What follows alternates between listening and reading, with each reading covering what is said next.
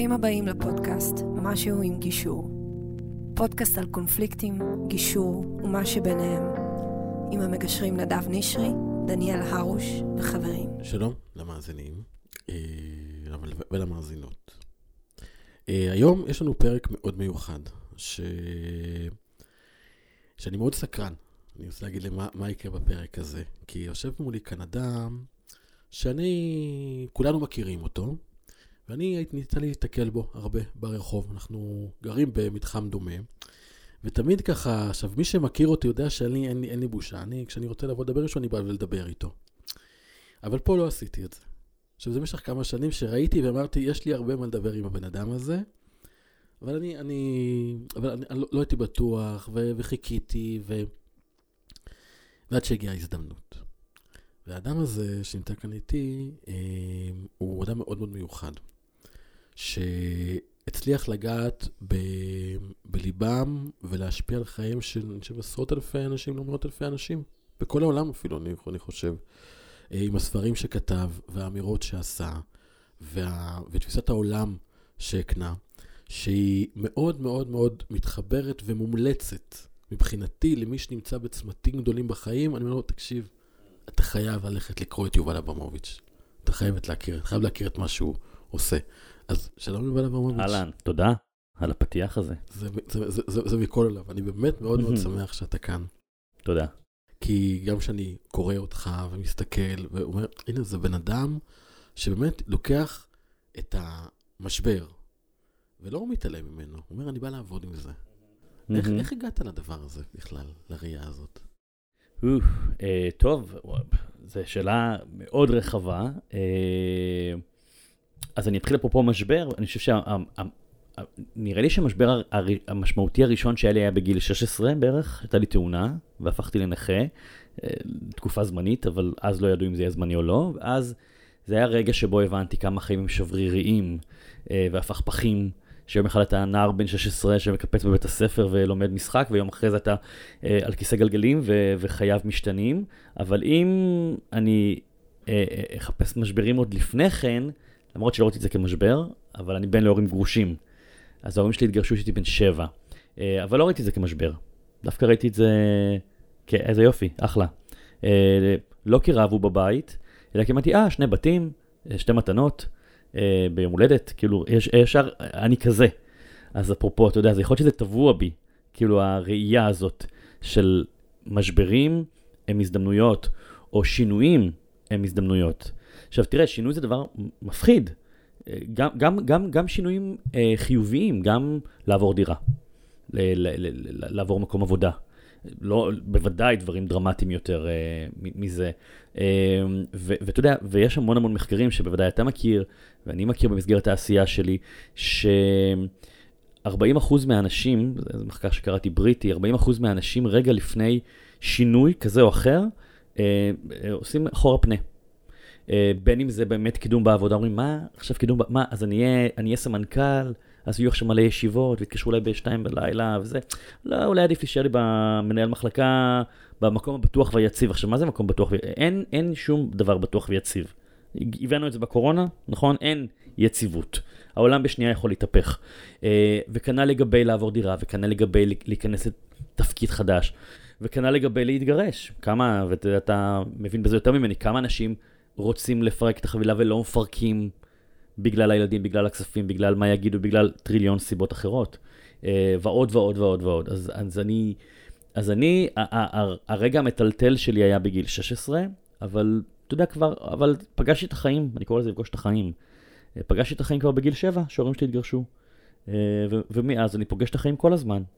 אמא שלי נפטרה לפני 4 שנים כשהייתה בת 62, מסרטן, די מהר, עשרה חודשים. אתה יודע, היו לי עסקים כאלו ואחרים, חלקם הצליחו יותר, חלקם הפסדתי כספים, גנבו לי כספים, בגדו בי במערכות יחסים. כאילו, אני, אני לא חסין, אף אחד מאיתנו לא חסין.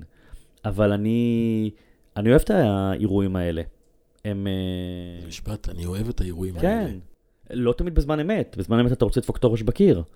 אתה יודע, בזמן אמת אתה אומר, מתי זה ייגמר? איך זה ייגמר? שיגמר כבר. אבל בסוף... משהו, קורים מזה המון דברים טובים. אתה מחזיק ב, ברגע המשבר הזה. כן. ב, ב, זה אפילו לא אין הסערה, כי אין הסערה, יש איזה שקט בתוך Mhm. הסערה הגדולה הזו, הזו, שמשהו עכשיו קורה, ואני אומר, זה מצב, אני קורא לזה מצב, מדעית, זה מצב מחורבן. זה ההגדרה של זה. Hmm. לגמרי. מצב נורא ואיום. אז איך אתה מחזיק את ה... תוך כדי? כי, כי זה מאוד קשה, אתה יודע, אנחנו אומרים לאנשים, כן, אה, עכשיו אתה בתוך, תדע, זה יעבור, כן. ספור עד עשר, מי יספור עד עשר? מי יעבור? נכון. עכשיו ממש אז, קשה אז, לי. אז, אז באמת זה עניין של, אני חושב, הרבה פעמים בחיים, באמת מודעות. אה, יש ספר שכתבתי שאני מאוד מאוד אוהב, אה, שנקרא שנת המתנות, שהוא עוסק במשבר. זה סיפור על אישה שבמולדת 37 מקבלת מתנה מבעלה, מעטפה, בטוחה שזה איזשהו שובר לספא או לזרה, וזה מכתב פרידה, 14 שורות, מאוד קמצניות, אה, שבסוף הוא כותב לה, אה, שבע שנים הייתי הקרקע פוריה עבורך, עכשיו זה הזמן שלי למצוא את הקרקע שלי. והולך. ו... והאישה מתחרפנת. כאילו, מה, מה, מה זה, אין בעיה להיפרד, היא אומרת, אבל ככה? כאילו, בצורה כזו כך גואלית.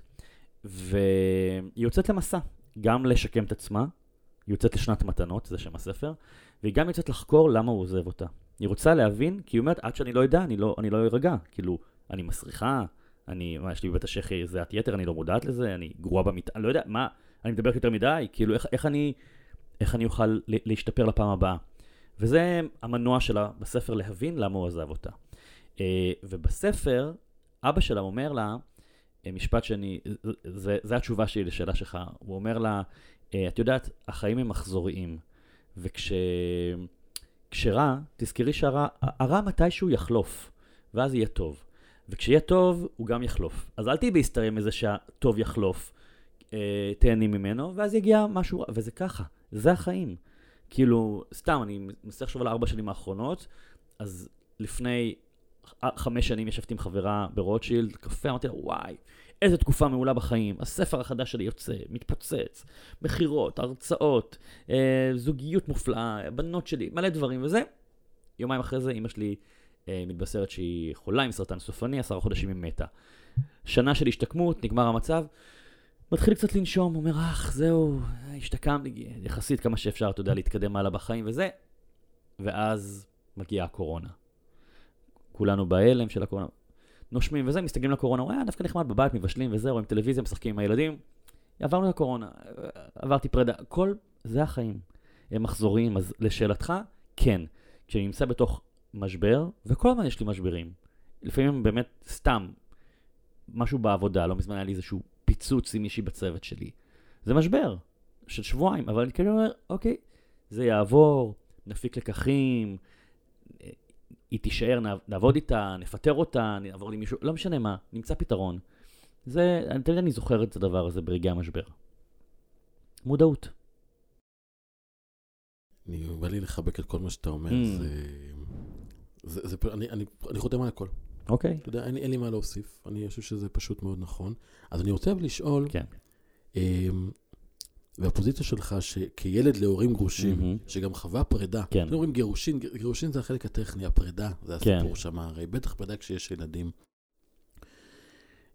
מה יכול אדם לעשות כדי לעבור את זה כמוך, כדי לדעת, ואני אומר, אמא שלך יושבת פה מלמעלה, Mhm. והייתה אומרת, איזה גאווה יש לי בילד שלי, שגם התגרשנו והיה שלב קשה, אבל, אבל הוא מדבר על זה ככה, והוא, והוא, והוא ילד מוצלח, Mhm. הילד מוצלח, ילד של גאווה.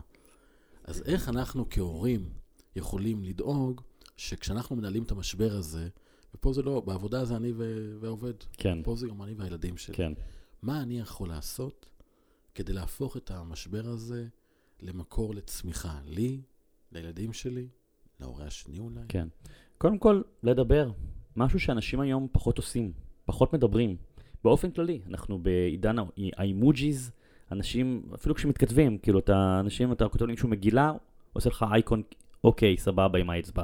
או סמיילי, או לב, או קקי, או לא יודע מה, כאילו, אנחנו ממש נהיינו אדם קדמון. ואני מאוד אוהב לדבר, כאילו, גם באופן כללי, אבל אני מתפרנס מזה, אבל גם, גם כשאני מדבר עם אנשים, אני כאילו, שואלים אותי מה שלומי. אוכלים אותם, מקבלים לו מונולוג של מה שלומי. ואני חושב שלדבר זה דבר מאוד מאוד מאוד מאוד חשוב. גם בתוך בני זוג, גם בתוך בני זוג מסוכסכים, גם uh, עם הילדים, כמובן ביכולות של ילדים לדבר, וכן, חשיבה חיובית, שזה היום, יש מודעות לדבר הזה, המושג הזה, חשיבה חיובית. יש קורסים באוניברסיטה. uh, להראות את חצי הכוס המלאה, או את הכוס המלאה, או את הכוס היפה, או מה שלא יהיה. אני, אני זוכר שוב, אני לא, יכול להיות שאימא שלי אולי, אני, אני לא זוכר אם היא אמרה לי, אתה יודע, שני בתים, שני ימי הולדת, שתי מתנות, אני לא יודע, כאילו, אם, אם היא אמרה את זה, לדעתי זה בא לי מהראש שלי. אה, על פניו, אגב, אני חושב שגירושים זה דווקא מתנה אחת, משני הורים ביחד, ולא שני, שתי מתנות. אה, אבל, אבל זו הייתה החשיבה הראשונית שלי. ואני אני גם, יש לי, יש לי ילדה בת 14 וחצי, וילדה בת 9 וחצי, שתיהן מאוד מאוד חמודות. אני מאוד גאה בהן, מאוד אוהב אותן, והן כמובן מאתגרות, כמו כל ילד, אבל, אבל אנחנו מדברים, אני משתדל לדבר איתם. זאת אומרת, שוב, כל אחת עם, ה, עם היכולת ההבנתית שלה, כל, לא כל, אני גם לא חושב שאגב, ילדים צריכים לדעת הכל. יש דבר שנקרא מאחורי הקלעים של החיים, ולא צריך לדעת כל דבר. אני נגיד בתור ילד, אפרופו משברים, גדלתי בבית שלא היה בו כסף, אה, וידעתי את זה, וזה נורא מטריד. כאילו, אה, נגיד, הבנות שלי לא יודעות מה קורה בבנק, הן יודעות שהמצב לא רע, כי הן מבינות מאורח חיים שלנו, אבל הן גם לא יודעות כמה יש בדיוק, מה, כמה, כמה יש שפע. יש דברים שאני לא... כל דבר תואם גיל. עכשיו אני מתחיל לדבר עם הגדולה שלי יותר. לפתוח עוד, עוד איזשהו נדבך, עוד, לקלף עוד איזו שכ, שכבה, להכיר אותה, היא מכירה אותי יותר. אתה מרגיש שכשמולך חשפו יותר מדי פרטים? כן, אני ידעתי יותר מדי, אני ידעתי הרבה דברים. כן, ילד לא צריך להיות מוטרד מחשבון בנק של הורה, אה, מיחסים של הורים, בעיניי. אה, זה מכביד. כאילו... ההורים ממש היו מדברים אחד על השני דרכך? לא, לא, קודם כל עם אבא שלי, לא, ההורים שלי התגרשו, ואני לא ראיתי את אבא שלי מהרגע שההורים שלי התגרשו עד גיל 18 בערך. אה, ראיתי אותו פה ושם בהבלחות, אבל לא ראיתי אותו כמעט עשור. וואו. כן. איך הקשר שלכם היום? אין כל כך קשר, שלום שלום. ואגב, אני גם ממש בסדר עם זה. אני הבנתי בתור ילד, שאין לו את היכולת ההורית. לא לכולם יש יכולת הורית. לא לכולם. אה, לעשות ילדים זה לא בעיה, טכנית. לא, זה, היום זה כבר יותר מורכב, אבל uh, להיכנס להיריון. אבל, אבל בגדול זה לא בעיה להיכנס להיריון. יותר בעיה להיות הורה. קראתי לא מזמן מאמר מאוד מעניין של מישהי כתבה ביום המשפחה באיזשהו אתר, היא כתבה, אני מאוד אוהבת את הילדות שלי, אני לא סובלת את ההורות. הורות זה דבר קשה. נכון. ו... אז, אז אני אומר, אני, אני, לא, ההורים שלי ממש לא דיברו אחד על השני, דווקא אבא שלי כאמור לא כל כך בקשר, אבל אימא שלי מעולם לא לכלכה עליו. אתה יודע, הבנתי בסאבטקסט פה ושם דברים, אבל לא, דווקא לא. אבל אתה יודע, מורכבות החיים, כאילו, אני לא חושב, אני חושב שילדים, יש להם מספיק עניינים דרמטיים משלהם, מעמדם בכיתה או בגן, חדשקונים, שינויי הגוף, מיניות, אה, לייק, היום לייקים בטיקטוק. לא צריך, לא צריך לה, לא, להוסיף, לא צריך להוסיף. Uh, אני חושב שכל דבר בשעתו. יש לי הרבה מה לומר לבנות שלי, כאילו לספר להם עליי, להכיר להם אותי יותר לעומק, בזמן, כל דבר בזמן. אני מסתכל על זה, אתה יודע, זה סיפור... uh, אני, אני מרגיש שאני מאוד מזדהה, כי אני הייתי ילד נכה, שההורים שלו התגרשו, וזה, זה, אז אני, mm. אני מאוד מרגיש שאני מאוד מתחבר לדבר, אז אני ככה מוצא את עצמי ככה, אומר, אוי, כן, אני, אני יכול להבין. אבל אז, אז אני מנסה להסתכל על זה, אבל איך, איך הפכת? כי, כי, כי, זה, כי זה באמת מדהים, אנחנו מכירים הרבה מאוד אנשים שעברו סיפור דומה ולא mm-hmm. מצליחים לקום, לא נכון. לא יוצאים מהמיטה. אבל מה, מה היה שם? ואתה אומר, כן, חשיבה חיובית. בסדר, אבל זו כותרת יפה. נכון. איך אני עושה את זה? אז אני, קודם כל, אה, באמת, אה, הייתה לי אימא מאפשרת, זה דבר אחד.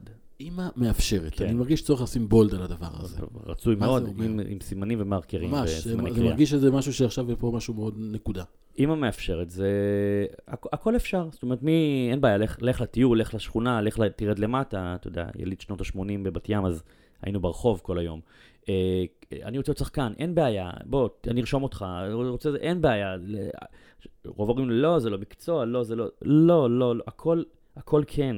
ו, וידעתי שהיא רוח גבית, אה, ואני מדבר על זה אגב בהרצאות שלי, כשאני מדבר עם הורים, אה, יש לי, אחת ההרצאות הדגל שלי זה הרצאת הרשימה, שיש לה כל מיני קהלים והתאמות, אז כשאני מדבר עם הורים, אני אומר להם, תגידו יותר כן לילדים. כאילו, אה, אה, אני זוכר שכשהבת הבכורה שלי הייתה בת, לא יודע, ארבע, הלכתי לישון, ולפני השינה כזה, אתה יודע, אני עושה חשבון נפש עם עצמי, איך עבר היום, איך, איך היה, איך הייתי, ואמרתי, וואי, כמה פעמים אמרתי לה היום לא ועל.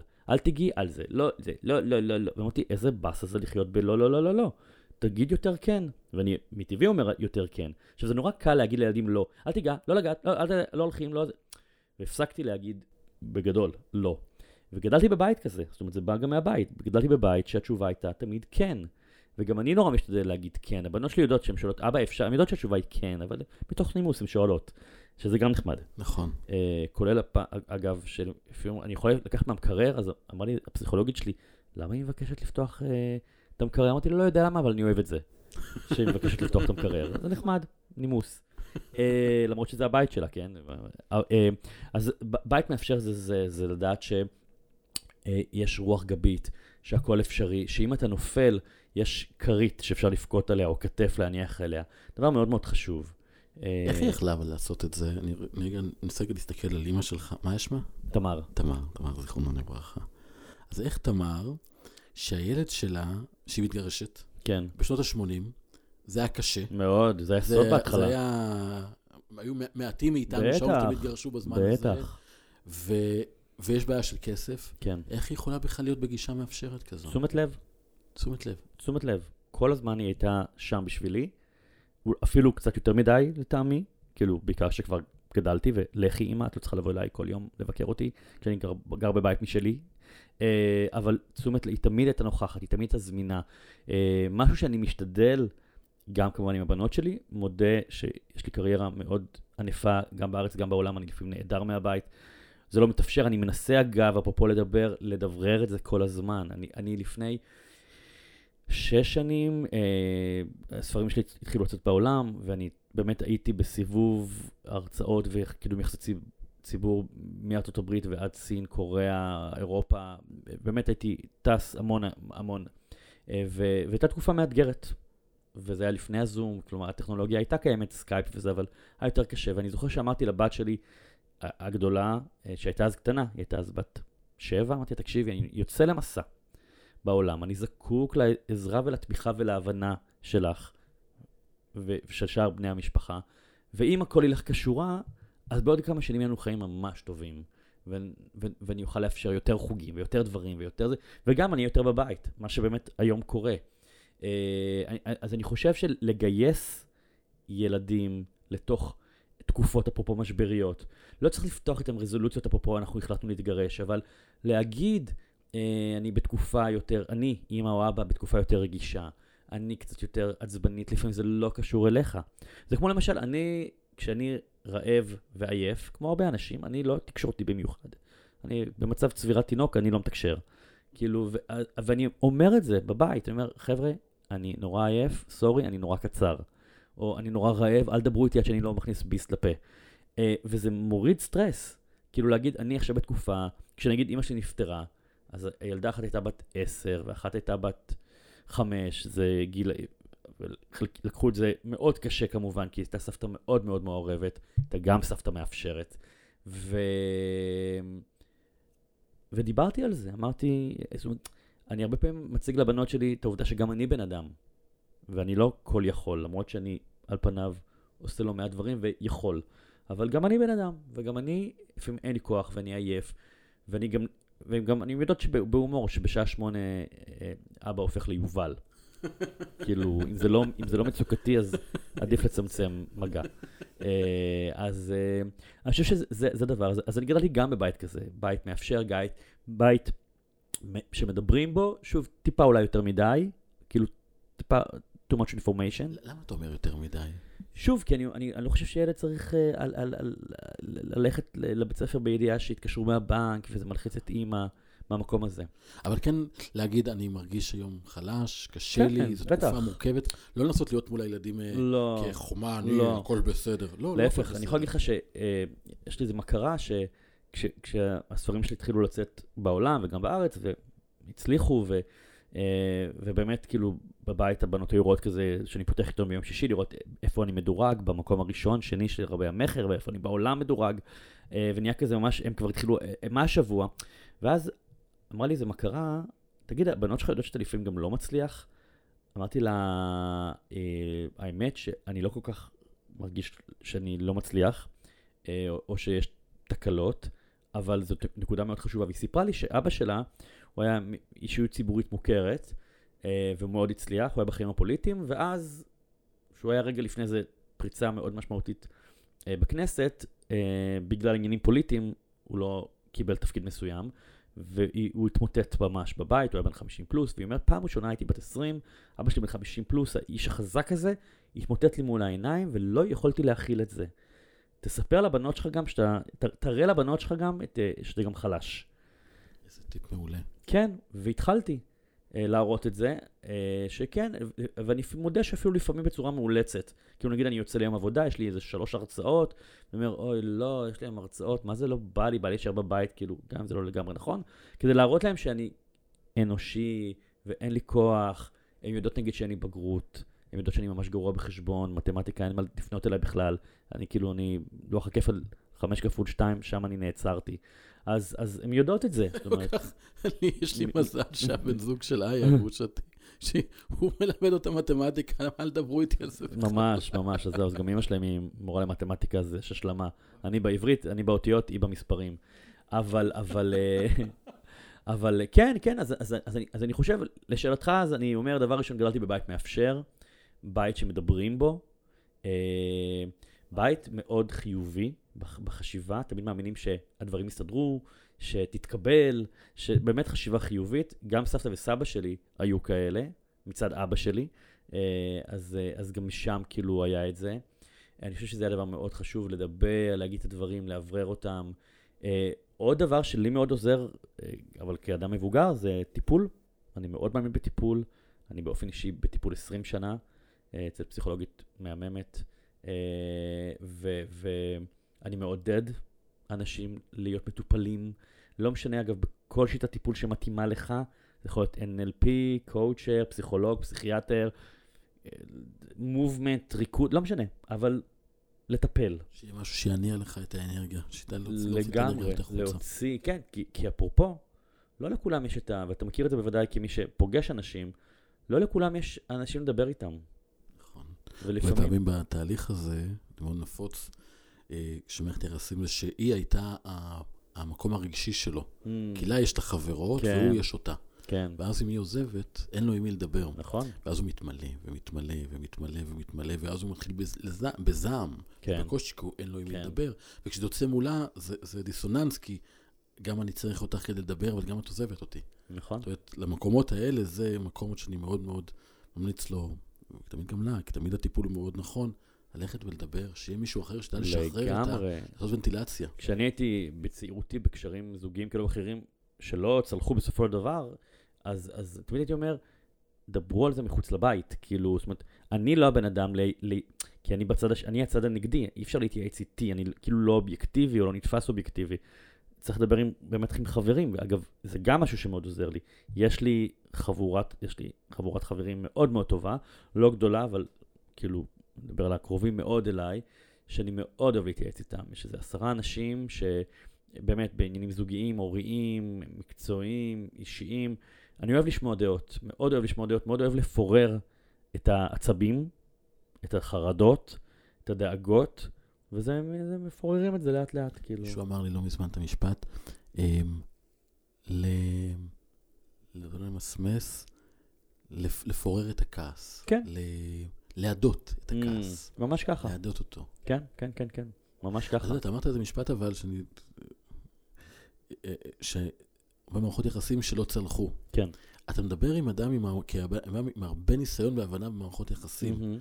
אז זה נשמע שדווקא כן צלח, אולי לא, אולי לא, אולי לא המשיך. כן. אבל אתה בן אדם עם המון המון יכולות של תקשורת מאוד מאוד ברמה מאוד מאוד גבוהה וטובה במערכות יחסים. אז למדת מזה המון, זה נראה. ברור, לא ברור. קודם כל נתחיל בזה שמה שלא צלח זה לא בגללי, כי אני הייתי מושלם. סתם. לא. אה, אבל באמת שהרבה פעמים זה לא היה בגללי. אה, אבל אה, לא, אני לוקח אחריות גם על, אתה יודע. אבל ברור שלומדים, אני בכלל, אני, בדיוק יש לי חברה אה, שאני מאוד מאוד אוהב, היא בת גילי 46, והיא רווקה, עם ילדים, אבל היא רווקה, אה, והיא עכשיו חוזרת לסצנת הדייטים, אחרי הרבה מאוד שנים שהיא לא הייתה בהם, והיא כזה, היא, זה חדש לה, אה, ואני אומר לה, את יודעת, כל דייט מקרב לדבר האמיתי, ואני מאוד מאמין בזה, שכל קשר אה, שיש לנו זוגי מקרב לדבר האמיתי והמדויק יותר. אתה יודע, גם אנשים אה, עוברים שינויים בחיים. קשר של גיל 20 הוא לא קשר של גיל 40, קשר בלי ילדים הוא לא קשר עם ילדים, ילדים זה וואחד עניין לתוך הזוגיות. מעלה את השאלה, כן. אם יש בעצם איזושהי מטרה של, אתה יודע, כשהיינו ילדים, אז אני דמיינתי, אני, אה, ככה נזדקן ביחד. ו- ויהיה בית בכפר, או בעיר, או איתי גדלתי בקיבוץ. ואז, אתה יודע, זה דימוי של איך החיים ייראו. כן. ואז קרה לי דבר נורא, אני זוכר, קרה לי בערך בגיל 35. הבנתי שהחיים עוד ארוכים. מהמם. תמיד אני עושה, חמש, תוכנית אה, חומש כזאת, כן. חמש שנים קדימה, ופתאום, לא, זה עברו חמש שנים, ואוקיי, הגשמתי את התוכנית, אבל עכשיו יש עוד, כן. וזה לא נגמר, וזה מאוד ארוך, ואז אתה אומר, רגע, המטרות שהיו לי אז, זה המטרות שגם יהיו לי היום? לאן אני רוצה להגיע? לא. מה קורה? נכון. ולאנשים מאוד קשה במקום הזה. בטח אם לא אתה גרמת לשינוי, כן. ובטח אם, כמו שאמרת בהתחלה, שינוי זה לא, ביו, זה, לא- זה לא טבעי, זה, לא, ביו, זה לא, לא טוב לביולוגיה שלנו. כן. אנחנו ישר בחרדה. כן. ולנרמל את הסיטואציה, מאוד אהבתי, זה קופץ לי כשדיברת על איך אני מול הילדים, שאני מסביר להם, אמ, אני מסביר להם שעכשיו קשה לי, ואז אני מלמד אותם איך להתמודד עם בעיות. כן. ואני לא מראה להם שאני סופרמן, אני מראה כן. להם שאני רק בן אדם, וזה נותן להם המון המון כוח. אגב, מחקרים מראים, אה, וגם הניסיון, ואני בטוח שגם הילדות שלך, כי אתה אומר שהן מאוד מוצלחות, אני בטוח. מי שמלמד ככה את הילדים, וילדים שרואים כאלה משברים, מצליחים בכל החיים. ילדים שההורים שלהם התגרשו, כן. ועשו את זה בדיאלוג ובשיתוף פעולה, ולימדו אותם שאין דבר כזה משבר שהוא בלתי פתיר. יש אולי משבר שהוא קשה לפתרון, אבל אפשר הכל לפתור, ובמילים יש להם פרספקטיבה כל כך מאפשרת על כן. החיים, וגם כל כך הרבה יכולות. ו... וזה, וזה מדהים לראות היום, כי, כי אנחנו בתקופה שיש בה המון עם כל השיסוי והכעס, וגם בעולם הגירושין, למרות שכבר לא בשנות ה-80 התגרשו, והנה אחד שהתגרש וההורים שלו בטוב, והוא בסדר, וצמח, ויודעים שזה משבר, אבל אפשר לצמוח ממנו, ועדיין סביבנו הרבה מאוד אנשים, ויש תחושה שזה גדל ב, ב, ברשתות החברתיות, כי הם אלה שצועקים הכי הרבה, שאנשים שרצים למלחמות, ול, ולתביעות, ולוויתור על הסמכות ההורית, ככה אני קורא לזה, שמישהו אחר יחליט לי איך לגדל את הילדים שלי. ואני אומר, רגע, אבל יש פה את הידע כל כך המובן הזה והבסיסי הזה, שמישהו גם עבר אותו. ו- ואז אני ככה תוהה, גם אתה עם הניסיון שלך ויכולת שלך להעביר את המסרים באמת בצורה מעוררת השראה. אמ, הספר הבא שלי יוצא באנגלית, אני עוד צריך להתייעץ איתך, גם על זה אני אגיד לך באמת גם תודה. איך אנחנו יכולים, או מה יכול אדם ששומע אותנו, ואומר, אני, אני רוצה להיפרד, אני רוצה בטוב, או חבר או אחותי, או... והצד השני, הוא לא יסכים, הוא יהיה מלחמתי, ו- ופתאום, ויש איזו תחושה שטוב, אני אלך לעורך הדין, שהוא יגיד לי כבר מה לעשות. עורך הדין יודע להילחם, הוא לא יודע לפתור, הוא לא, אני משפטן, לא, לא למדתי לפתור, מהמם. למדתי לגרום לבעיות. כן.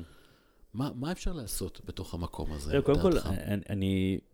אני מאוד פעמים בלדבר בעובדות ולא ברגשות. אני חושב שבס... ב... ב... ב... ואני אומר את זה... משפט גישורי, כן. כן, הפרדת האדם מהבעיה, בואו נפריד את האינטרס מהעמדה. כן, אז אה, אני באמת, גם אפרופו, אנחנו מקליטים את הפרק הזה בתוך אה, ימים באמת מורכבים של המדינה, של שמאל, ימין, בעד רפורמה, נגד רפורמה, ואני לא כל כך מתבטא ברשת החברתית, כי, כי יש מספיק ש, שמרעילים ועושים רעש ובלאגן, אבל לא מזמן כתבתי סטטוס אה, למה, אה, למה המצב כרגע הוא בעייתי, זאת אומרת למה כל הרפורמה בעיניי היא בעייתית, ואמרתי ונדבר בעובדות בלבד, ופרסתי סטטוס מאוד מאוד מאוד ארוך, אה, שעל פניו כאילו לא קוראים ארוך, אבל קראו אותו ושיתפו אותו במאות ואלפים, אה, כי הוא דיבר בעובדות. אמרתי, בואו נדבר בעובדות. אני חושב שכשמדברים בעובדות, אה, ואני באמת מאמין, אגב, גם, נדבר על זה בעשייה שלי, בכל מה שקשור להגשמת חלומות, אין מקום ל- לרגשנות, יש מקום לרגישות, אבל לא לרגשנות.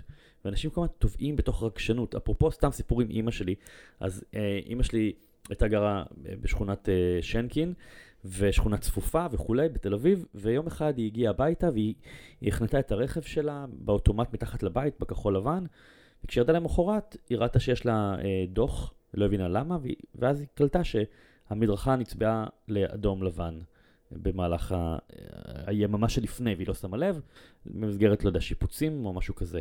אז היא שלחה לעירייה אה, מכתב, מייל, עם- והסבירה. אה, והיא אמרה לי, אני רק רוצה לפני שאני שולחת, שתגיד לי מה אתה חושב על המכתב.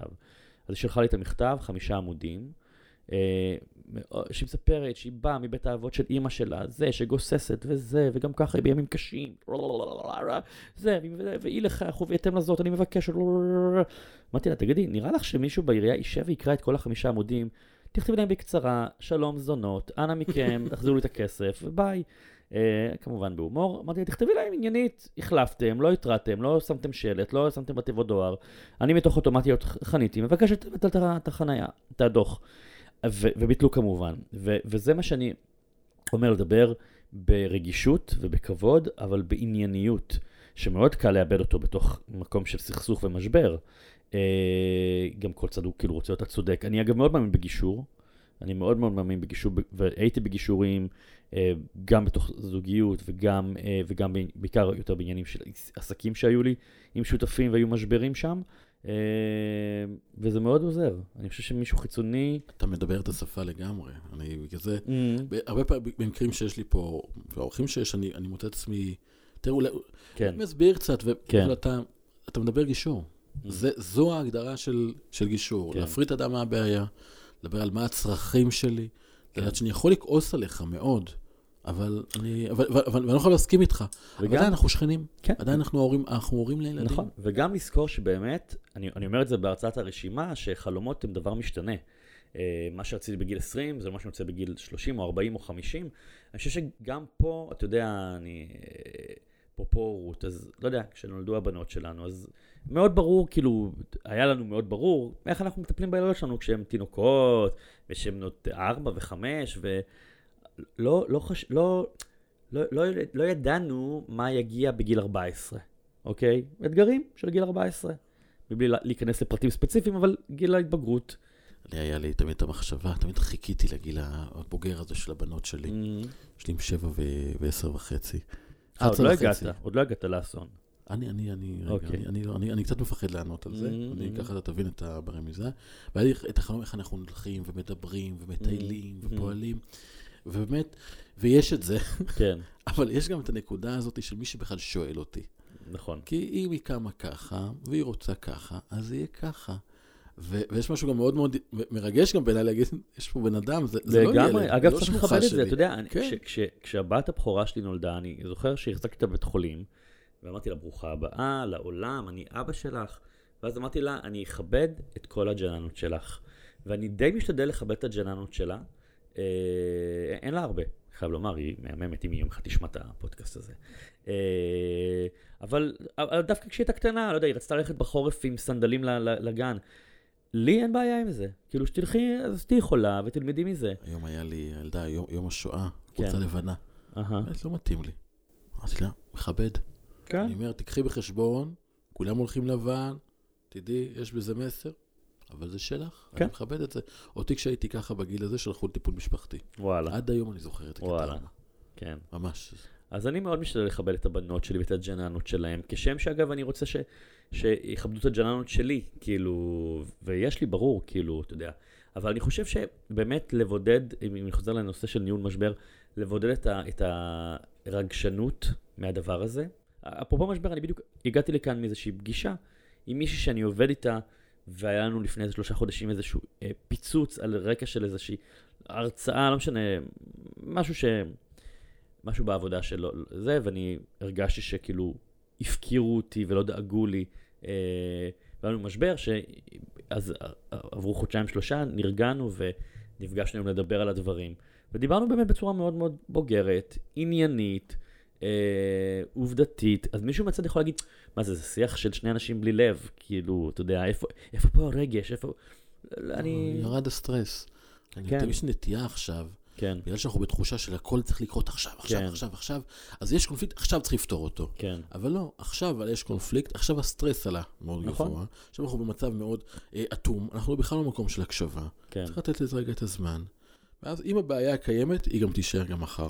אז זה משהו, נכון, אז זה משהו שמיתרונות הגיל, שבאמת בגיל 46 אתה מבין שאתה לא צריך עכשיו להגיב על דברים. כאילו, לא בפייסבוק ולא בחיים. אתה יכול להגיד, אוקיי, נדבר על זה, בוא נדבר עוד שלושה ימים, כאילו, אני דקה אאבד את זה, אני אחשוב על זה, ואז נדבר על הדברים, וזה מאוד מאוד פותר.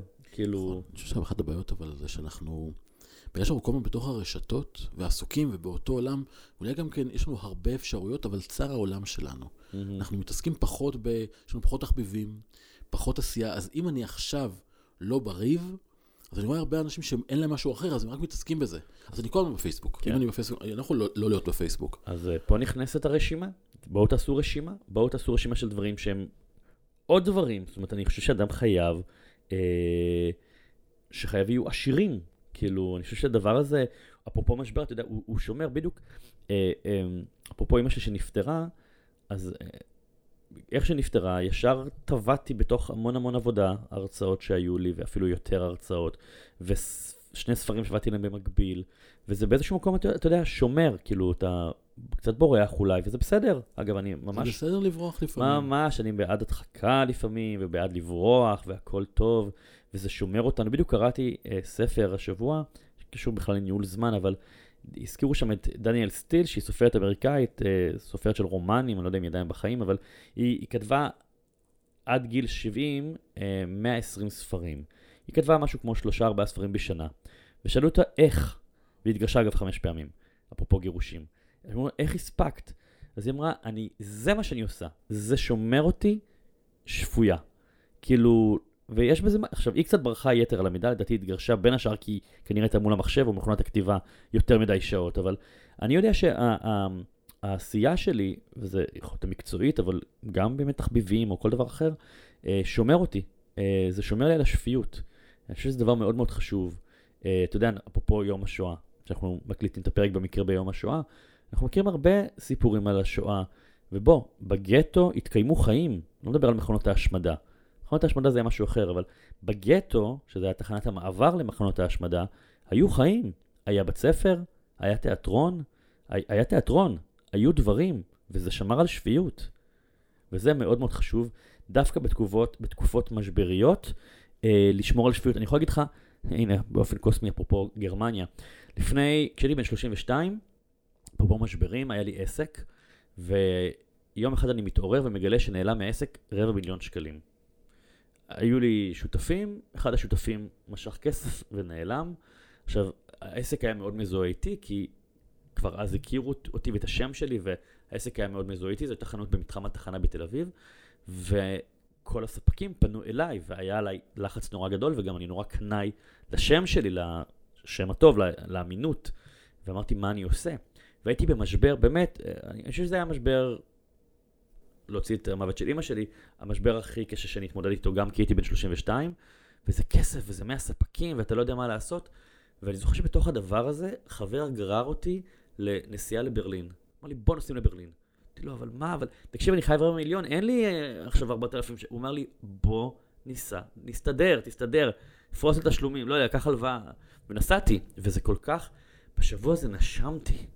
ובשבוע הזה, בין בילוי לבילוי והסתובבות ברחוב, היה לי זמן לפרספקטיבה ולחשוב על הדברים, ולמצוא פתרונות יצירתיים ולהתמלא באנרגיה. פתאום חזרתי לארץ עם מלא מלא רעיונות והצלחתי תוך ארבעה חודשים לחסל את החוב הזה, בהמון יצירתיות. אה, ונדיבות לב של הספקים שלי, שחלקם אה, ויתרו לי על החוב, כאילו, תחשוב כל אחד זה 2,000-3,000, חלק אמרו לי יאללה, עזוב, תמחוק והכל בסדר, ובוא, נעזור לך להתאפס, כי סך הכל אתה נותן לי במה בחנות שלך. ויצאתי מזה, ולצאת מ- מהסערה לרגע החוצה, אה, מאוד מאוד עוזר, להתרחק לפעמים. אני קורא לזה, בגישורים אני הרבה פעמים מספר על אה, פרנרד אללוש. אוקיי. שהוא היה פובליציסט צרפתי מאוד מאוד מפורסם, ושהיה כותב בצרפת על הכל, על ספורט, על פוליטיקה, על תרבות, על, אה, על כדורגל, על כל דבר, אבל כל פעם שהוא היה כותב, הוא אומר משהו, הוא היה מסכם ואומר, שתדעו שאת מגדל אייפל צריך להרוס. זה קסם בהיסטוריה הצרפתית, Mm. הוא מכוער, הוא Mhm. מגעיל, הוא חלוד, הוא תופס נדל"ן מאוד משובח, צריך להרוס אותו. אמ- אבל מה? כל יום ארוחת צהריים הוא היה אוכל בראש המגדל. Mm.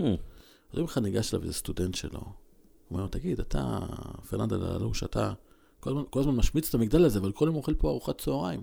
למה? מהמם. אז הוא אמר לו, כי רק מפה לא רואים את המגדל המזוין הזה. מהמם. גדול. גדול. במקום הזה, אז הפרספקטיבה, וזה מאוד נכון. ממש. בתהליך שלי פה עם האנשים, אני כל הזמן אומר, אנשים באים, אתה יודע, המשבר הכי גדול, ומה יהיה, וחרדה קיומית, ואיך נתנהל, כן. ואיך אני אממן את הילדים, ואיך אני אגדל את, את, את הילדים, איזה מודל אני אהיה. ואני מחזיק. בוא, בוא רגע, בוא, נהיה, בוא נתחיל רגע לדבר קצת על העתיד הרחוק, כן. לא על הקרוב, לא מחר בבוקר. אולי קצת על מחר בבוקר כדי, כדי שנוכל לישון טוב בלילה, אבל לדבר רחוק, אבל ללכת מהסוף אל ההתחלה. כדי תראו לראות שיש עתיד, ויש אופק. כי קשה לראות את מחר, אבל את עוד שנה אפשר, אפשר הרבה יותר בקלות. עוד עשר שנים בכלל בקלות.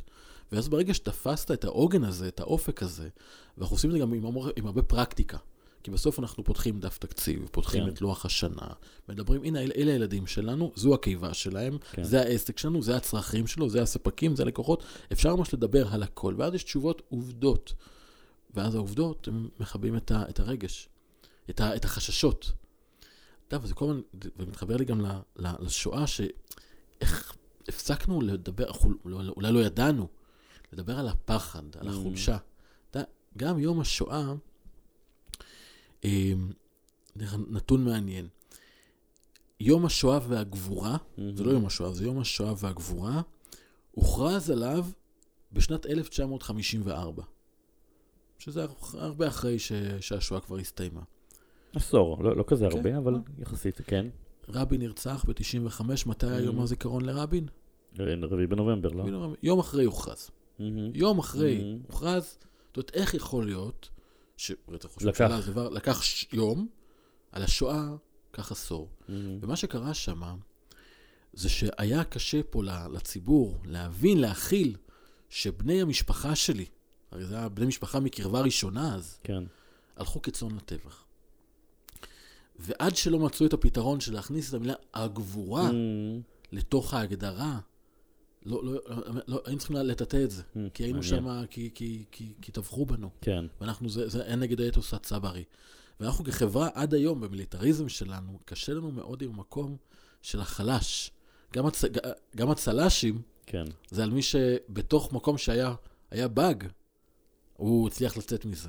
כן. אבל הרבה אנשים צריכים, וכמו שאמרת, ש, שהחברה אמרה לך, של אני רוצה לראות את ההורים שלי גם חלשים. כן. ובואו נרצה, אנחנו רוצים קצת יותר לך ל, ל, ל, להעצים את זה, ולהגיד איזה יופי לך שאתה חלש. נכון. לגמרי. לא שאתה חזק, נכון. שאתה חלש. נכון. אני חושב שגם הרבה פעמים בתוך משברים ועימותים, והייתי במקומות כאלה של משברים ועימותים בעקבות משברים, יש נורא את העניין של הרצון בצדק. שזה אגב, אפרופו המחאה שאנחנו נמצאים בתקופה, כל צד בעד הרפורמה ונגד הרפורמה צודק מבחינתו. ושוב, אגב, אם אתה בודק עובדתית, אז אפשר לערער על חלק מהדברים. אבל, אבל אה, אני חושב ש... ו, ו, ו- ואני חושב שזה הרבה פעמים אה, נורא מטמטם, לפחות אותי, כשאני הייתי במשברים משמעותיים, כולל אגב העסק שלי שסיפרתי את הסיפור, אז הייתי באיזשהו הליך אה, גישור משפטי, כדי לקבל בחזרה את הכסף גם מאותו גורם שלקח את הכסף בעסק. ואני ממש זוכר שהיינו באחד המפגשים, וממש נאמרו שם שקרים גסים. ואני התפרצתי, כאילו, ממש צעקתי, כי, כי יש גבול, כאילו, הרצחת וגם ירשת, גנבת וגם שיקרת. אה, אגב, סתם, פה אנחנו כזה, כל מיני פרטי טריוויה זורקים, אז ראיתי פעם סרט אה, תיעודי על חקירות של ב-KKB וב-CIA וכל מיני כאלה, ואומרים שם, בהכללה גסה מאוד, שאיך איך, איך יודעים אם הנחקר צודק או לא צודק? כמובן שיש נחקרים מתוחכמים, אבל בגדול, אם מישהו שהוא מואשם במשהו שהוא שקרי, לרוב הוא יוצא מכליו, הוא צועק, הוא מתפוצץ, הוא, הוא, הוא, הוא, הוא, הוא רוצה שידעו שהוא זה, ודווקא השקרנים והפושעים הם קולים, הם רגועים. תראה את אייכמן אפרופו שואה, איך הוא ישב שם במשפט, כלום, אמרו דברים, הוא ישב, ב... עכשיו, זה היה אייכמן, אנחנו יודעים, יש הוכחות, זה היה האדם, זה לא דמניוק שהיה עליו עוררין, והוא שוחרר בסוף. אני לא יודע אם אתה אגב יכול לאמת את זה מתוך פגישות שאתה רואה כאן, שאתה אומר בלבך, היא צודקת או הוא צודק, ואתה רואה את זה. לי זה הרבה יותר קל, כי זה לא משנה לי. מהמם. כי מבחינתי, הם בסוף צריכים להסתדר אחד עם השני. אני נכנס ביניהם, אני לא שופט. כן. יכול להיות שמישהו פה הוא חר בן אדם. ואז אני אגיד לו, אתה יודע מה? את יודעת מה? אני את המקצוע שלי מאוד אוהב. אני באמת מאחל לעצמי להיות מגשר גם בגלגול הבא. מהמם. אם אנחנו נפגשים, אל תבוא אליי, אליי איתו. תבוא עם מישהו אחר. אבל בגלגול הזה, זה מה שיש. ואז זה לא משנה כמה שהוא חרא, או אדם נוראי, וכמה שהוא באמת, אבל הוא ההורה השני. כן. זה אבא של הילדים שלך. זה הנתון. זה השותף. עכשיו, גם אם אתם שותפים, אתם באותו סביבה. כן. כי אם אין לכם עסק משותף, כנראה שאתם באותו מיליה. ועולם העסקים הוא לא כזה גדול. ואז יכול להיות שתיפגשו. עכשיו, איזה שם את רוצ, אתה רוצה לעסק? איזה, איך, איך את רוצה שיראו מערכת היחסים עם, עם, עם הילדים? את רוצה להיות צודקת או חכמה? אז הצדק מבחינתי, עכשיו, יש צדק בגישור, ואני בלימודי המשפט, לימודי המשפטים, שיעור הראשון שלימדו אותנו, הראשון, סיפור אמיתי, זה לשכוח מהצדק. Mm. אמרו, פה אין צדק, פה יש חוק. כולם למדו דקת דומייה לזכרו של הצדק, Mm. ככה זה התחיל. וואו. ובגישור יש אבל צדק, אבל כן. הוא סובייקטיבי. ולכל, הוא לא, לדעתי זה לא צודק. כן. אבל ביניהם, אם זה צודק להם וזה מבוסס, ואחרי שלקחו את כל הפרמטרים, וגם צריך התייעצו, בדקו, שבאמת אחר כך לא תהיה תחושה של, אה, של אכזבה, או תסכול, או פספסתי, או רימו לי, או לא אמרו לי, ברגע שאנחנו מחזיקים את זה, אז, ועוברים את השלב הביולוגי של הסטרס והכעס, והזמן עושה את שלו, ומדברים על נתונים ועובדות, הם מצליחים לבנות בתהליך הזה כן. לא רק הסכם, הסכם זה חתיכת נייר. הם בונים הסכמות. הם בונים איזושהי מערכת יחסים חדשה, שהיא, זה השותפות חדשה, זה, זה הספר השני שלי Mm. ככה, זה בדיוק המקום הזה, לייצר את השיח אחר, מנגנון אחר, להפריד בגירושין את ההורות כן. מהזוגיות, כן. שביחד הם מאוד קשים. זה ממש רפורמה, זה הרשות המחוקקת והשופטת, בנפרד. בדיוק.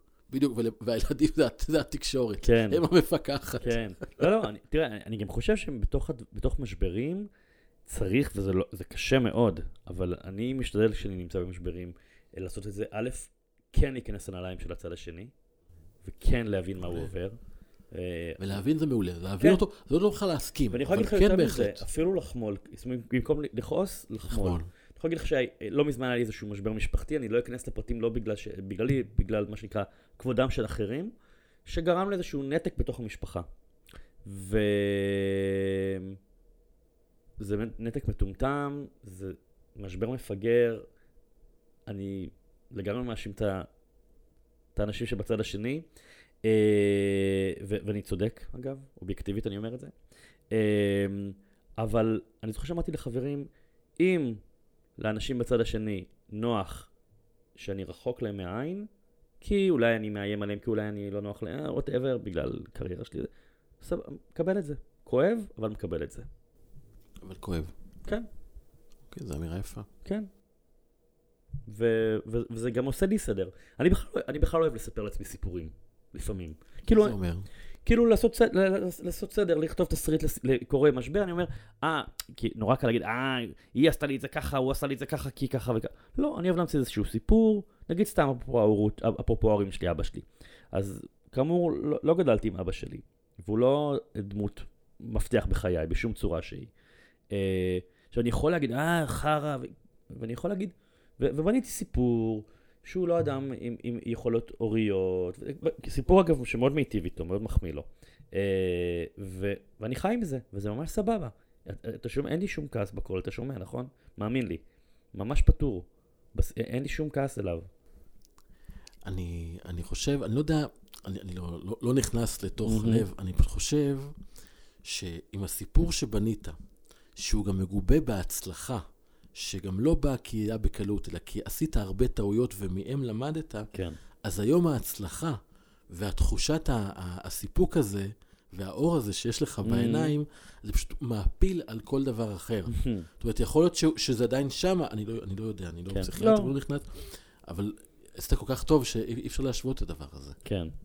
זאת אומרת, זה, אה. זה, זה, זה המון בתוך הפרספקטיבה, וזה כלי מדהים, לעשות עוד נרטיב. כן. אני יכול לספר סיפור כן. שבו אני הדפוק ואני הקורבן וקשה לי, ואני יכול להחליט, ש... וקצת לתרגל, ללכת לסדנת כתיבה אם אני צריך, אבל לתרגל סיפור אחר. לגמרי, וגם באמת, ושוב, זה נורא קל פה בשיחה, שאנחנו רגל על רגל מדברים וזה, בקוליות ובנינוחות, להגיד כל מיני דברים כמו למשל, לא לקחת את זה אישית.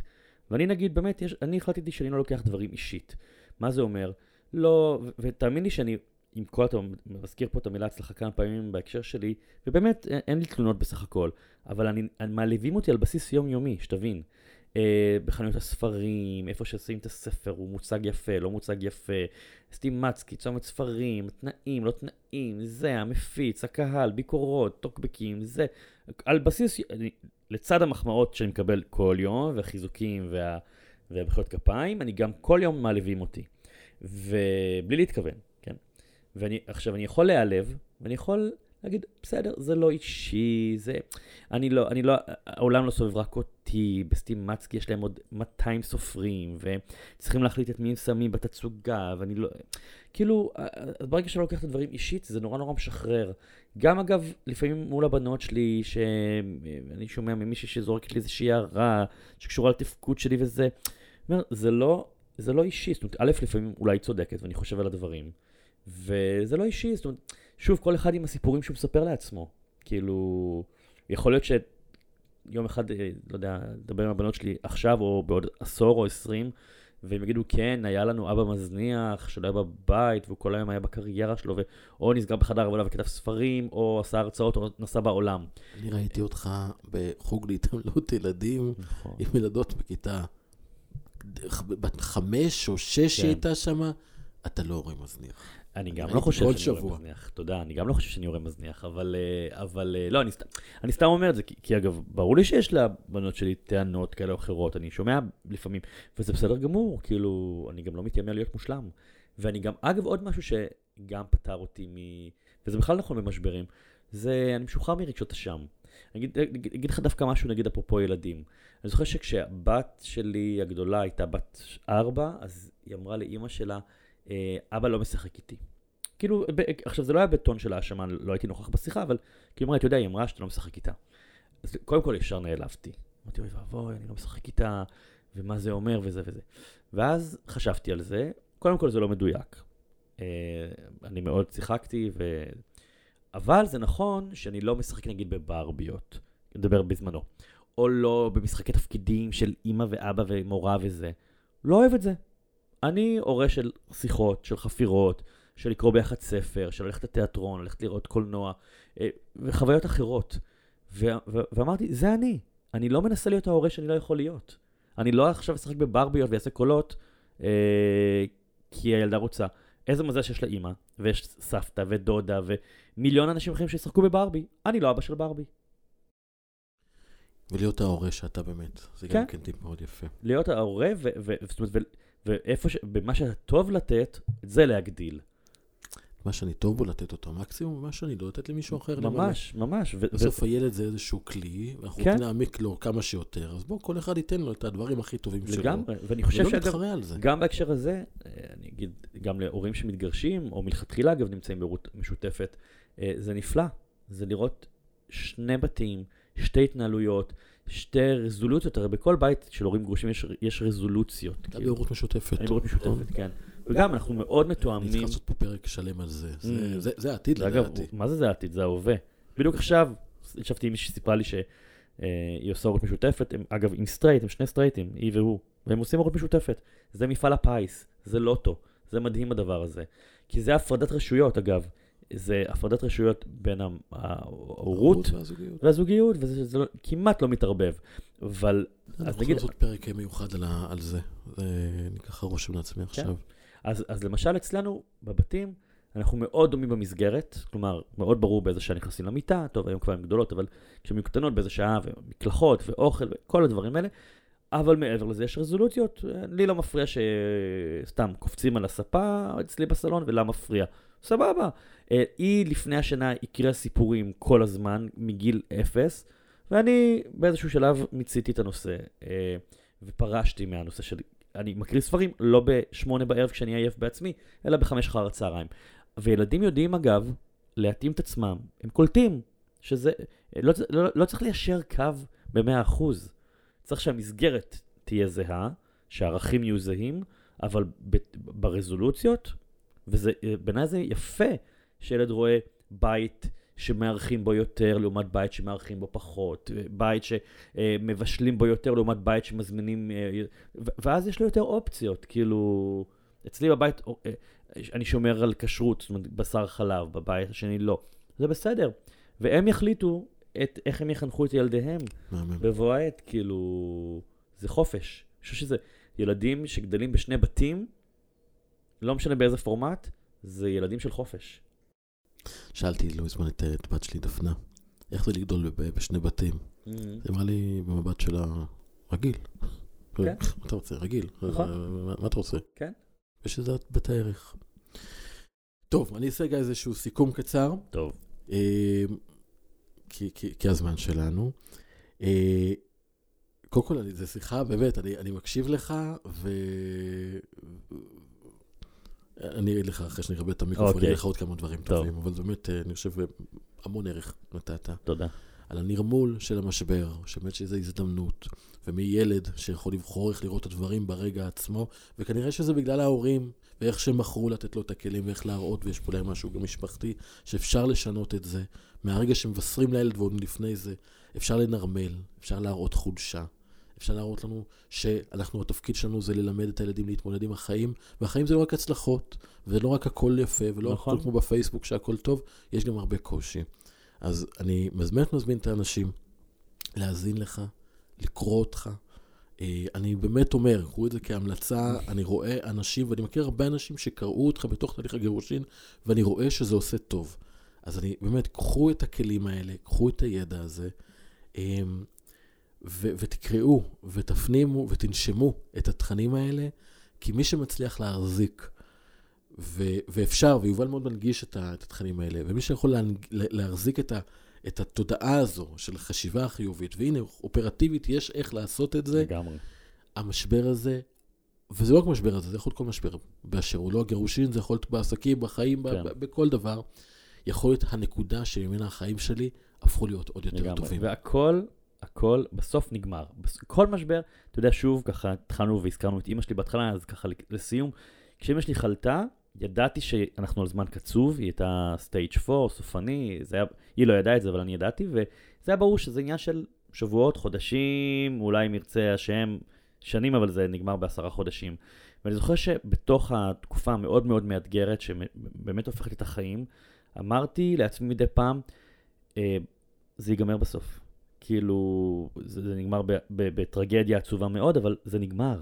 כאילו, בסוף זה נגמר. זאת אומרת, גם אדם חולה... לא, שוב, יש מצב, לפעמים זה גם שנים, כן, אבל אני אומר, בסוף משבר נגמר. שבועות, חודשים, אם יודעים לעבוד בתוך משבר... משבר, אתה יודע, ביהדות, אנחנו אומרים, הפירוש של המילה משבר זה כיסא התינוק, כיסא היולדת. התינוק, בצר תלדי בנים, יש לו בפסוק שהיולדת כן. הייתה יושבת על כיסא, על המשבר, וממנו היה מגיע התינוק. ובאו בנים עד משבר ולא יצאו. זאת אומרת, המשבר, כבר בעברית אנחנו יודעים שזה הזדמנות, זה מתוך זה קורים דברים. הוא לגמרי, ואתה יודע, אם הזכרת את המסורת היהודית, אז אני אזכיר את המסורת היפנית, שכחתי את השם של הפעולה, אבל אולי... נגי, כן, האינגי. עם הזהב. כן. אז אתה יודע, הם מאמינים שכלי שנשבר, אה, לא זורקים אותו, אלא מדביקים אותו, ולא מדביקים אותו עם דבק, מדביקים אותו עם, עם זהב, יוצקים זהב, נכון. ומחברים את, את חלקי השבר. ואני מאמין, אני יכול להגיד לך שמתוך משברים שהיו לי, בעיקר אגב מקצועיים, של מיזם שהרמתי והוא לא... הת- נולדו מיזמים א- אחרים. היה לי, הקמתי פעם אתר אה, כמו פייסבוק, אבל רק על תרבות שמדברים בו, לפני איזה עשור, היה נקרא גיבור תרבות עם שותפים. אמרנו, כמו פייסבוק, אבל מדברים, ידברו שם רק על סטנדאפ, ועל, נגיד, יוצא סרט, אז במקום ש... אתה יודע, יש שיח של האנשים על זה. זה לא תפס כי הפייסבוק כל כך חזק שזה לא תפס, והושקע בזה הרבה מאוד כסף. אבל, ו- וזה היה משבר, כי זה כאילו חצי מיליון שקל, וזה לא עבד וזה, אבל מתוך הדבר הזה קיבלנו המון מיילים לתוך האתר. שאלו אותנו איפה לומדים כתיבה. ואז אני והשותפים אמרנו, oh, רגע, וואי, יש פה מאות אנשים שרוצים ללמוד כתיבה, בוא נפתח לבית ספר לכתיבה. ו- והקמנו בית ספר לכתיבה שכיסה את, הרב- את ההפסדים והביא אה. רווח. אז אני אומר, מתוך שבר אפשר, זה קלישאתי נשמע, לצמוח נכון. ולהתחדש. כל הקלישאות נכונות, לכן הם שרדו. לגמרי, לגמרי, לגמרי. אז יובל, תודה רבה שבאת. תודה על ההזמנה. זה היה באמת, אה, אני מאוד מאוד, ידעתי שיהיה טוב, לא ידעתי כמה. איזה ממש כיף. אני מאוד רוצה. אז תודה רבה. בשמחה. אה, ותודה רבה גם לשרון, שרון קניאל שפה איתנו ועושה פה את כל הטכנולוגיה שמסביב. ותמשיך לעשות טוב, אתה עושה טוב לכולם. משתדל. תודה. תודה. ותודה למאזינים, ותשתפו, חשוב, זה בבקשה, בטח, אנחנו באמת שתפו, התכנים שיש תדרגו גם. תדרגו, תשתפו, חשוב, תדרגו בטח. לנו את שאפשר. בטח, חשוב לדרג, כי אם בספוטיפיי יש כזה כוכבים, אה, ואז ככל שיש יותר דירוגים, אתה במצעד אתה שם, מבין, חשוב. פרק 60 אני צריך ללמוד את זה. תדרגו, תשתפו, תדרגו, בבקשה, תשתפו, בטח, תשלחו, ברור. תפיצו. אנחנו עושים טוב לעולם, אנחנו רוצים לתת לאנשים כלים, ואנחנו עושים את זה בכוחות המועטים שלנו, ולא... אתה יודע, יש עולם, עולם המשפט, לוקחים מאות אלפי שקלים מאנשים, ואז אפשר לדפוק פרסומות ולעשות וכאלה, אנחנו לא עושים את זה. כן. אז אנחנו צריכים את העזרה של האנשים שיפיצו את זה. אז תפיצו, ותודה רבה.